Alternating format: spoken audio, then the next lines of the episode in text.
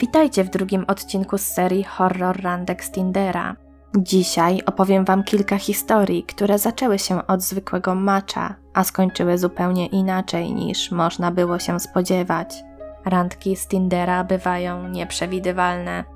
Na wstępie chciałam jeszcze przywitać w gronie patronów Arka Iwańskiego, a także nowego wspierającego Śliwka. Dzięki. A teraz zaczynajmy. Historia anonima.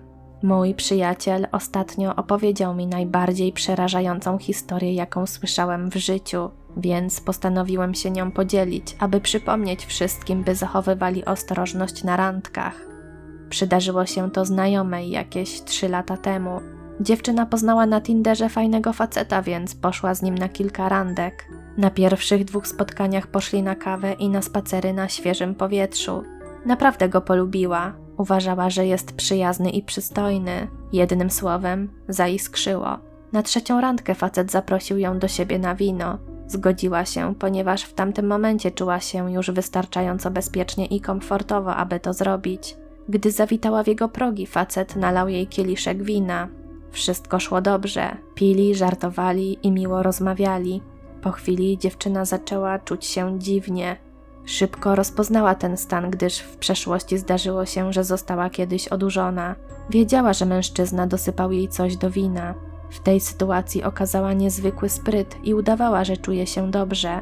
Powiedziała mu tak radośnie i energicznie, jak to tylko możliwe, że szybko skorzysta z toalety, żeby myślał, że substancja jeszcze nie zadziałała. Gdy znalazła się w toalecie, zamknęła drzwi i natychmiast wezwała policję. Powiedziała im, że została odurzona, zamknięta w łazience i że muszą ją stamtąd wydostać. Niedługo po tym straciła przytomność. Ocknęła się przy policjantach, ale nadal była pod wpływem, przez co na zmianę traciła i odzyskiwała przytomność. Pamiętała tylko, że policja zakładała jej jakąś torbę na głowę i stamtąd wyprowadzała. Została uratowana. Gdy przybyła na komisariat policji w celu złożenia zeznań dotyczących tych wydarzeń, z ciekawości zapytała, czy policjanci rzeczywiście założyli jej wtedy torbę na głowę, czy też wyobraziła to sobie przez odurzenie. Powiedzieli jej, że rzeczywiście tak zrobili, ponieważ uznali, że przeżyłaby zbyt duży szok, gdyby przypadkiem zobaczyła w trakcie wyprowadzania, co przygotował dla niej ten facet. Trafił do więzienia, a ona do dziś nie wie, co chciał z nią zrobić ale jasne jest, że była to bardzo schrzaniona, niesamowicie przerażająca sytuacja, która mogła zakończyć się okropnie. Proszę, jeśli to czytasz lub tego słuchasz, zawsze daj znać komuś, kiedy planujesz randkę na Tinderze, nawet jeśli czujesz się bezpiecznie, nawet jeśli nie jest to twoja pierwsza randka. Zawsze poproś przyjaciela, aby zadzwonił i sprawdził, co u ciebie, w trakcie i po, aby wiedział, że jesteś bezpieczna. Historia anonima. Moja pierwsza randka z internetu okazała się prawdziwym horrorem. Umówiłam się na mieście i poszliśmy na piwo. Facet wyglądał inaczej niż na zdjęciach, które widniały na jego profilu. Miał długie włosy do ramion i spore zakola, czego nie było widać na jego fotkach. Był też przy kości. Z początku wydawał się całkiem miły. Po kilku piwach zaproponował spacer, a ja się zgodziłam. Poprowadził mnie w bardziej odludne miejsce czerwona flaga. Kiedy tak spacerowaliśmy i rozmawialiśmy, on nagle wypalił: Moje przyrodzenie jest przeciętne, nieduże, ale wystarczające. I zanim zdążyłam jakkolwiek zareagować, popchnął mnie na ścianę pobliskiego budynku i próbował całować. Przycisnął mnie swoim pulchnym ciałem. Jakimś cudem udało mi się go odepchnąć i uciec, mimo butów na obcasie. Na szczęście mnie nie gonił, Myślę, że gdyby za mną pobiegł, spokojnie by mnie złapał. Nigdy więcej już z nim nie rozmawiałam i po tamtym zdarzeniu byłam już dużo ostrożniejsza w randkowaniu. Historia Spicy Clips. Byłam wtedy studentką pierwszego roku i nie miałam jeszcze chłopaka, a nawet z nikim się nie całowałam. Chciałam to zmienić, więc założyłam Tindera. Poznałam tam miłego gościa. Pisaliśmy jakiś tydzień, zanim się z nim umówiłam. Poszliśmy na obiad i do kina. Nic szalonego. Gdy zrobiło się późno, było już po 23, powiedział, że odwiezie mnie do domu. W trakcie drogi zorientowałam się, że nie mam pojęcia, gdzie jesteśmy. Było ciemno i jechaliśmy jakąś żwirową drogą otoczoną polami uprawnymi. Zapytałam zaniepokojona, dokąd jedziemy, a on powiedział, że wybiera boczne drogi. Przestraszyłam się i marzyłam, by bezpiecznie wrócić do domu. Powiedziałam, że jestem zmęczona i zapytałam, czy daleko jesteśmy. Odpowiedział, że niedaleko. Nagle zatrzymał się na poboczu tej żwirowej drogi i wyłączył światła. Co chcesz teraz robić? zapytał. Uświadomiłam sobie, że w tym momencie jestem zdana zupełnie na łaskę tego kolesia. W odpowiedzi wyszlochałam przerażona. Chcę do domu. Całkowicie spanikowałam i wyjęłam telefon z torebki, udając, że dzwoni do mnie mama. Rozpoczęłam fałszywą rozmowę, w której powiedziałam jej, że jestem na randce z tym facetem. Podałam jego imię i że za kilka minut będę w domu. Na szczęście to poskutkowało i koleś mnie odwiózł. Nie mam pojęcia, czy moja reakcja była przesadna, czy nie, ale nie żałuję tego, jak postąpiłam. Nie wiem, jak mogłoby się to skończyć. Obecnie od czterech lat jestem w szczęśliwym związku z chłopakiem, także poznanym na Tinderze. Historia anonima. Pewnego dnia poznałam na Tinderze, wydawałoby się, spoko faceta. Mieszkał jakieś półtorej godziny drogi ode mnie, ale mimo to nie zrezygnowaliśmy ze znajomości. Pisaliśmy tylko przez tydzień, kiedy zdałam sobie sprawę, że ta osoba ma skrajną obsesję na moim punkcie i zdecydowałam się jednak zerwać kontakt. Wszędzie go zablokowałam, ale ten nie chciał odpuścić. Skontaktował się z jednym z moich znajomych, próbując dotrzeć do mnie.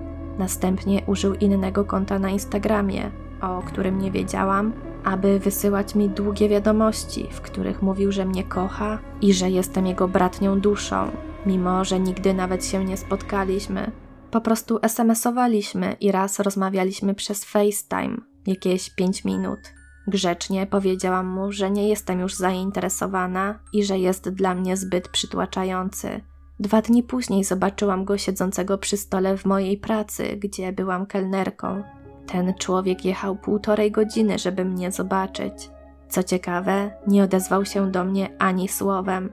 Po prostu się na mnie gapił. Wpadłam w panikę, bo poczułam się prześladowana.